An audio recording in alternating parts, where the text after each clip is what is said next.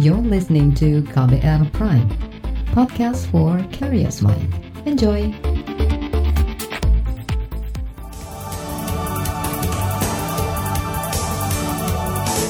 Selamat pagi saudara, kembali kami menjumpai Anda melalui program Buletin Pagi KBR edisi Senin 30 Maret 2020 bersama saya Don Brady.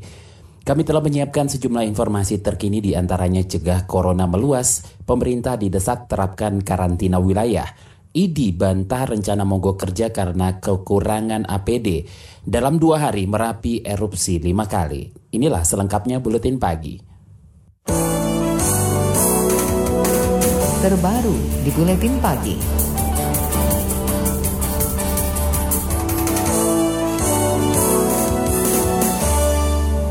Jumlah pasien positif virus corona di Indonesia bertambah saban hari. Hingga minggu malam ada lebih dari 1.280-an pasien positif, 114 meninggal dan 64 orang sembuh.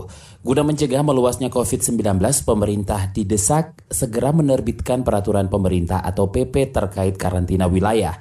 Desakan salah satunya datang dari anggota Komisi Kesehatan DPR Saleh Partaunan Daulay. Kata dia, selain soal karantina wilayah, PP juga harus mengatur soal jaminan bagi pekerja harian, baik dari pekerja sektor formal maupun informal.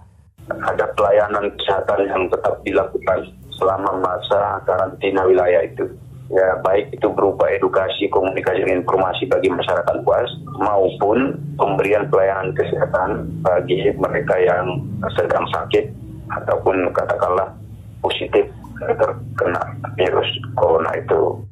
Anggota Komisi Bidang Kesehatan DPR Saleh Partaunan Daulay menambahkan dalam PP juga mesti diatur bagaimana proses pembelajaran di sekolah dan perkuliahan tetap jalan. Saudara pemerintah mengaku tengah menyiapkan peraturan pemerintah atau PP tentang karantina wilayah atau lockdown. Menteri Koordinator Bidang Politik Hukum dan Keamanan Mahfud MD mengatakan berdasarkan Undang-Undang tentang Kekarantinaan Kesehatan, karantina wilayah bisa diterapkan di daerah-daerah tertentu. Nantinya PP akan mengatur syarat-syarat yang harus dipenuhi daerah saat menerapkan karantina wilayah. Untuk karantina kewilayahan itu harus ada PP menurut pasal 10 Undang-Undang nomor 6 tahun 2018 harus lewat PP. Oleh sebab itu kita akan mengaturnya dengan PP. Tentu akan secepatnya lah. Kita ini kan dalam situasi yang darurat. Jadi dalam waktu tidak lama akan segera dikeluarkan. Soal waktunya kapan? Ya mungkin minggu depan nanti sudah ada kepastian. Saat ini jumlah daerah sudah menerapkan kebijakan karantina wilayah untuk mencegah penyebaran virus corona. Daerah itu di antaranya Papua, Tegal, dan Tasikmalaya. Keputusan tersebut dilakukan setelah ditemukan beberapa kasus positif di daerah masing-masing. Pakar Hukum Tata Negara Bivitri Susanti menilai dasar hukum terkait karantina wilayah sudah diatur dalam Undang-Undang tentang Kekarantinaan Kesehatan. Kata dia, saat ini pemerintah harus segera mengeluarkan peraturan pemerintah sebagai aturan turunnya. PP tersebut harus mengatur jelas soal jaminan pemenuhan hak-hak dasar masyarakat kalau mau ada uh, pembatasan sosial berskala besar ataupun karantina wilayah itu dua-duanya bisa dijadikan satu itu uh, tetap ada kewajiban pemerintah untuk memenuhi hak-hak hidup masyarakat gitu. Nah aturan main untuk itu yang belum ada karena di pasal 10 Undang-Undang 6 2018 itu dibutuhkan peraturan pemerintah. Pakar Hukum Tata Negara Bivitri Susanti mengatakan kebijakan karantina wilayah harus menjamin pasokan dan stok pangan masih tersedia tanpa menutup kegiatan pelayanan kesehatan seperti biasanya. Selain itu, pemerintah harus tegas terhadap perusahaan yang masih tetap mempekerjakan para pekerja mereka. Ia menyarankan pemerintah memberikan insentif terhadap perusahaan agar tetap bisa menggaji pekerja mereka. Hal itu agar perusahaan tidak mengalami kerugian saat tidak mempekerjakan karyawannya.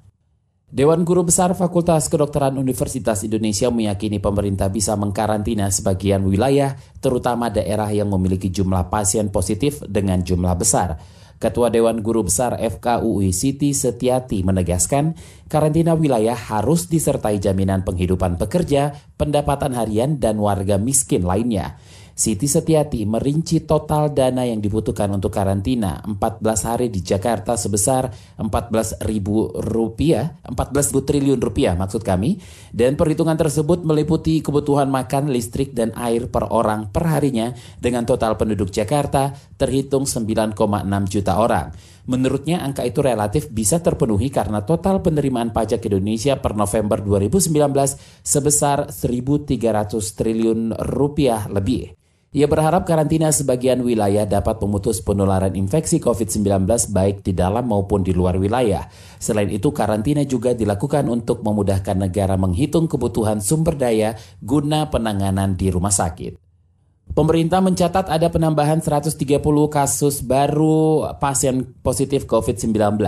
Juru bicara pemerintahan untuk penanganan COVID-19 Ahmad Yuryanto mengatakan pemerintah telah memeriksa ribuan spesimen. Kita sudah melaksanakan pemeriksaan lebih dari 6.500 spesimen, 6.500 orang, maksud saya di dalam kaitan dengan pemeriksaan ini.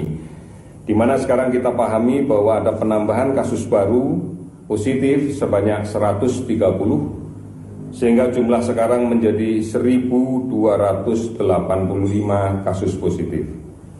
Kemudian kasus yang sudah sembuh, pasien yang sudah sembuh bertambah 5 orang, sehingga total menjadi 64. Jubir pemerintah untuk penanganan COVID-19 Ahmad Yuryanto menambahkan peningkatan jumlah pasien positif corona terjadi di beberapa provinsi, di antaranya Jakarta, Sulawesi Selatan, Jawa Timur, Jawa Tengah, Kalimantan Barat, Bali, dan Riau. Beralih ke berita olahraga, saudara panitia penyelenggara Olimpiade TOGOC berencana menggelar Olimpiade 2020 Tokyo pada Juli 2021. Olimpiade yang semula dijadwalkan berlangsung 24 Juli sampai 9 Agustus telah resmi ditunda. Keputusan ini diambil seiring meluasnya pandemi virus corona. Saat ini jadwal baru pesta olahraga terbesar di dunia itu dalam tahap pembicaraan. Wacana menggelar Olimpiade 2020 pada 23 Juli berawal dari ide Gubernur Tokyo Yuriko Koike yang menyebut cuaca di bulan itu tidak terlalu panas. Pekan lalu pemerintah Jepang bersama IOC telah memutuskan untuk menunda Olimpiade 2020 karena pandemi corona. Dalam keputusan itu disebutkan pula Olimpiade 2020 akan digelar paling lambat pada pertengahan tahun 2021. IDI bantah rencana mogok kerja karena kekurangan APD. Informasinya usai jeda tetaplah di Buletin Pagi KBR. You're listening to KBR Pride, podcast for curious mind. Enjoy!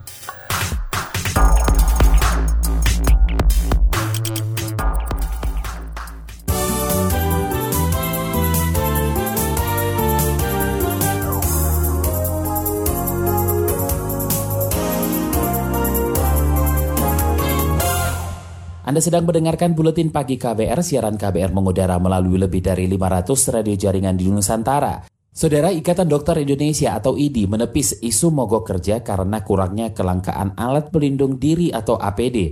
Ketua Satgas COVID-19 IDI Zubairi mengatakan, pemerintah sudah seharusnya memastikan stok APD dan alat kesehatan aman selama pandemi virus corona. Itu karena tenaga kesehatan merupakan kelompok rentan tertular karena berhadapan langsung dengan pasien. Bukan boykot kami sama sekali tidak boykot. Jadi dan kelihatannya eh, pemerintah dengan imbauan eh, PBID itu juga eh, telah mendatangkan banyak sekali dan juga dari eh, swasta. Jadi intinya begini, eh, data sudah amat sangat lengkap bahwa tenaga medik ini dokter perawat itu risiko tinggi yang meninggal di eh, Indonesia di Jakarta sudah banyak. Ketua Satgas COVID-19 Idi Zubairi mengatakan berkaca pada kasus di Italia dan Spanyol, ada ribuan tenaga kesehatan yang tertular saat menangani pasien. Sementara di Jakarta sejauh ini sudah ada 60-an tenaga kesehatan di DKI Jakarta terinfeksi COVID-19. Ia meminta pemerintah mengevaluasi kebijakan secara berkala serta memperketat pengawasan isolasi mandiri. Ia menyebut masih banyak masyarakat yang mengabaikan imbauan tersebut. Sejumlah gubernur melarang warganya mudik selama pandemi virus COVID-19 masih berlangsung. Gubernur Provinsi Jawa Tengah Ganjar Pranowo mengklaim pemerintah Provinsi Jateng DKI Jakarta, Jateng dan Jabar telah menyepakati larangan tersebut. Hal ini karena kenaikan jumlah pasien positif terinfeksi virus corona di Jateng diakibatkan perantau dari zona merah yang mudik lebih awal. Jika panjenengan sayang sama keluarga di kampung, jika panjenengan semua pingin keluarga tetap sehat dan selamat, urungkan niat untuk pulang kampung. Tidak usah pulang kampung. Jika panjenengan nekat pulang, saya tegaskan, sama saja Anda membahayakan anak, istri, atau suami, serta mengancam seluruh hidup orang yang kami sayangi, yang kita sayangi, termasuk orang tua panjenengan Sementara itu, Gubernur Jawa Barat Ridwan Kamil meminta perantau yang mudik untuk mengisolasi diri selama 14 hari. Selain itu, mereka diminta menjaga jarak dengan orang lain, menggunakan masker, menerapkan pola hidup sehat, dan memisahkan alat makan dengan orang lain. Ridwan juga menyiapkan sanksi jika ada ODP tidak mengisolasi diri. Larangan serupa juga disampaikan Gubernur DKI Jakarta Anies Baswedan. Ia meminta warga untuk tetap tinggal di rumah hingga ada pencabutan himbauan dari pemerintah. Saudara Otoritas Jasa Keuangan atau OJK menjelaskan soal pelonggaran cicilan kredit hingga satu tahun bagi UMKM yang terdampak COVID-19. Juru bicara OJK Sekar Putih Jarot mengatakan pola pemberian kelonggaran tergantung pada kebijakan setiap bank atau leasing. Apakah memang jadi termasuk yang terdampak langsung atau tidak, lalu historis pembayaran pokok atau bunganya.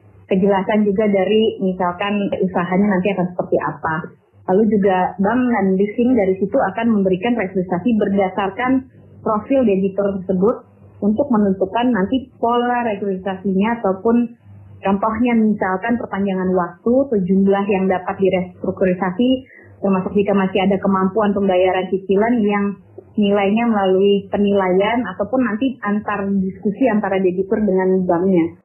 Juru bicara OJK Sekar Putih Jarot menjelaskan penilaian kualitas pembiayaan hanya berdasarkan ketepatan pembayaran pokok dan atau bunga untuk pembiayaan sampai dengan 10 miliar rupiah.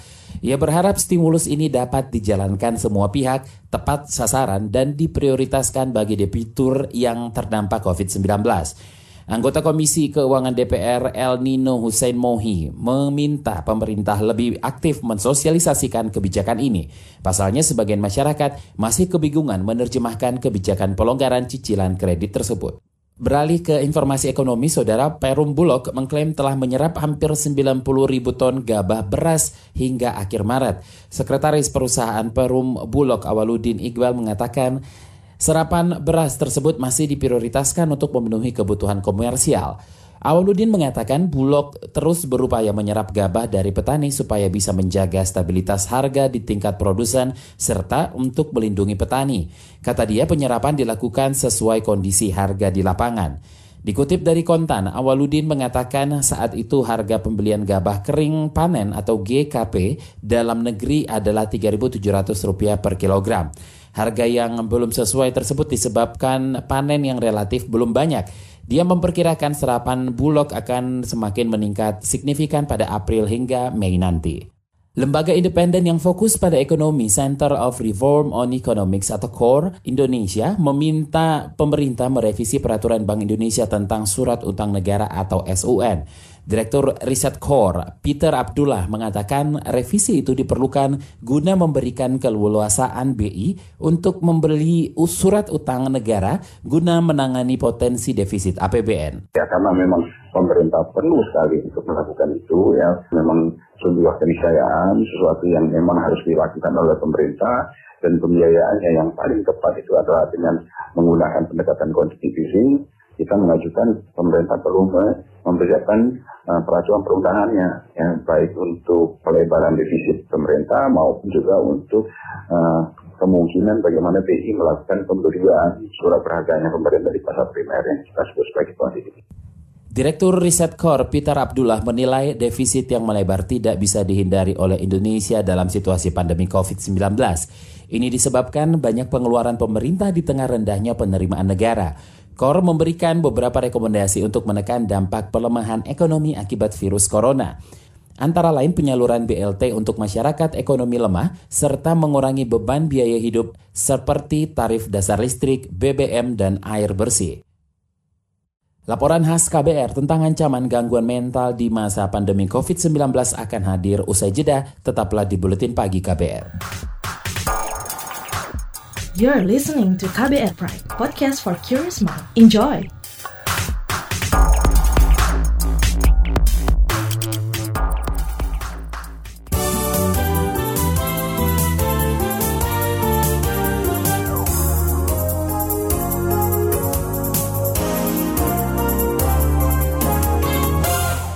Anda masih mendengarkan buletin pagi saatnya kita simak laporan khas KBR. Saudara, wabah COVID-19 memunculkan horor baru di masyarakat. Banjir informasi tentang corona berpotensi menumbuhkan kecemasan berlebih. Apalagi ada imbauan pembatasan sosial dan isolasi mandiri yang sejatinya tak mudah dilakukan. Tak pelak kondisi ini memberi dampak psikis bagi sebagian orang. Sebagian komunitas lantas menginisiasi layanan bagi warga untuk mengantisipasi gangguan mental di masa pandemi. Simak laporan yang disusun tim KBR dibacakan Astri Yuwanasari. Saya mau niatkan agar satu jam ke depan sesi meditasi diskusi ini menjadi benih kebahagiaan. Itu tadi pembukaan sesi meditasi daring atau online yang digelar komunitas Tergar Indonesia. Sejak ada imbauan pembatasan sosial, tidak ada lagi kumpul bareng kelas meditasi yang biasanya berlangsung dua kali sepekan di Jakarta. Kini kelas itu dialihkan secara online saban Selasa dan Kamis malam. Meditasi dinilai relevan dengan kondisi saat ini karena bisa membantu mengurangi kecemasan akibat horor COVID-19. Ketua Komunitas Tergar Indonesia, Linda Wijaya, jadi ada dua kunci di sini yaitu tidak melekat kepada sesuatu yang kita sukai, namun juga tidak menolak terhadap sesuatu yang kita tidak sukai. Jadi mencapai suatu titik keseimbangan. Pada saat itulah kita bisa merasakan ketenangan atau ketenangan ini bisa terjaga selama wabah COVID-19 ini. Linda mengakui meditasi via online tetap memiliki kelemahan. Para peserta tidak leluasa berinteraksi dengan pembimbing selama sesi. Namun bagi Dila Dahlan, meditasi online tetap menyenangkan karena bisa merangkul lebih banyak peserta. Dila menyebut meditasi membantu mengelola emosi dan pikirannya agar tetap tenang menghadapi ancaman COVID-19. Ketika saya takut atau saya khawatir membaca berita-berita yang memang sangat menakutkan, ini membuat saya kembali lagi ke kesadaran. Saya tidak berusaha menolak rasa takut itu, tidak berusaha dibuat positif-positif. Maksudnya, oh tidak apa-apa, tidak apa-apa, tidak seperti itu, tidak juga diabaikan. Saya hanya mengenali rasa takut itu sebagai rasa takut dan membiarkan uh, berapa lama rasa takut itu datang, tinggal, dan pergi dan itu saya rasakan sekali manfaatnya ketika mulai eh, belajar belajar dan berlatih meditasi. Kecemasan terhadap ancaman COVID-19 nyata dialami sebagian orang. Hal itu terangkum dari hasil konseling online yang difasilitasi Asosiasi Psikologi Kesehatan Indonesia atau APKI. Terhitung sejak 26 Maret lalu, mereka membuka layanan konsultasi melalui aplikasi WhatsApp Ketua APKI, Yunike Sritya Suci mengatakan tiap klien mendapat konseling dari satu psikolog pendamping selama sekitar satu jam. Nah, masalahnya nanti apakah WhatsApp-nya berupa teks, kemudian telepon atau video, itu semua tergantung dari kesepakatan klien dan psikolog yang melayaninya. Karena biasanya klien merasa enggan untuk melakukan video call, situasinya sedang chaos, dirundung masalah, tidak ingin identitasnya diketahui misalnya. Tias menyebut per 29 Maret sudah ada belasan klien yang mendapat layanan konseling. Mayoritas berasal dari wilayah Jabodetabek, zona merah kasus corona. Rata-rata mereka mengalami kecemasan akibat masifnya informasi tentang COVID-19.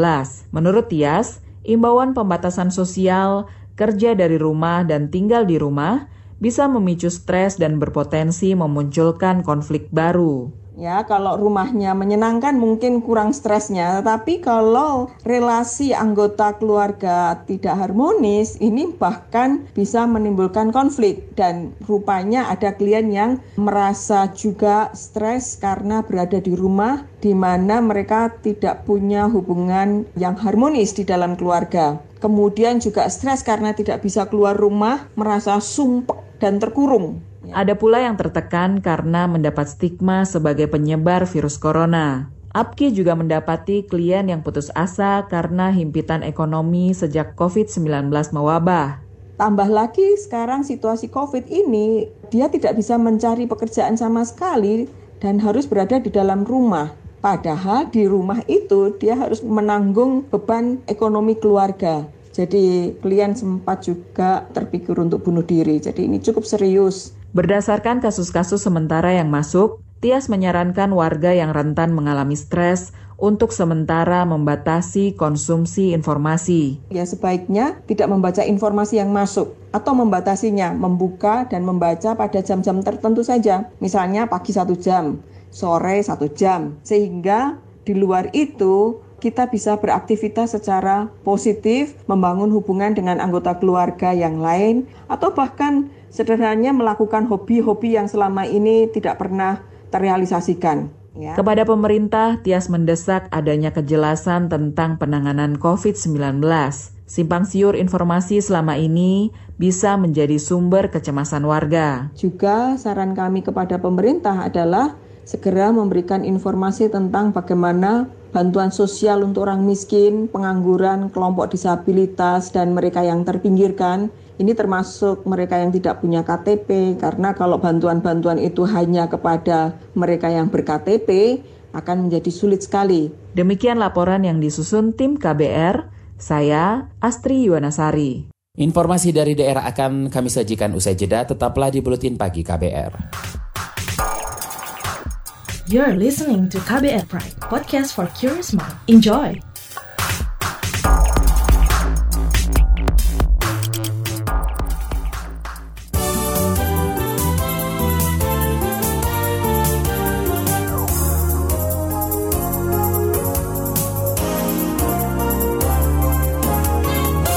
Inilah bagian akhir buletin pagi KBR, Saudara Gunung Merapi kembali erupsi pada minggu dini hari. Itu adalah erupsi kelima selama dua hari belakangan ini. Aktivitas erupsi tersebut disertai dengan kolom erupsi mencapai 1.500 meter dari puncak. Kepala Balai Penyelidikan dan Pengembangan Teknologi Kebencanaan Geologi BPPTKG Yogyakarta, Hanik Humaida mengatakan ini adalah erupsi ke-6 Merapi sejak 3 Maret lalu. Berdasarkan catatan BPPTKG Yogyakarta, arah angin mengarah ke barat dan membawa material kolom erupsi di daerah tersebut. Sementara ini belum ada laporan hujan abu di wilayah lereng Gunung Merapi. Pemerintah Kota Balikpapan mulai menerapkan karantina wilayah di tingkat RT hingga kelurahan. Wali Kota Balikpapan Rizal Effendi mengatakan langkah itu sebagai upaya untuk menekan penyebaran virus corona menyusul bertambahnya jumlah warga yang terinfeksi. Di kelurahan, di RT, ya di permukiman komplek itu kan sudah dilaksanakan sekarang ini di kemarin saya lihat di RT 10 di Lamaru di Gunung Bahagia di Muara Rapak mereka sudah melakukan seperti itu. Yang datang harus lapor disemprot cuci tangan. Keperluannya apa? Eh seperti itu harusnya. Wali Kota Balikpapan Rizal Effendi mengaku tengah menunggu peraturan pemerintah untuk melaksanakan karantina wilayah secara total, termasuk menutup akses penerbangan di Bandara Internasional Sepinggan Balikpapan.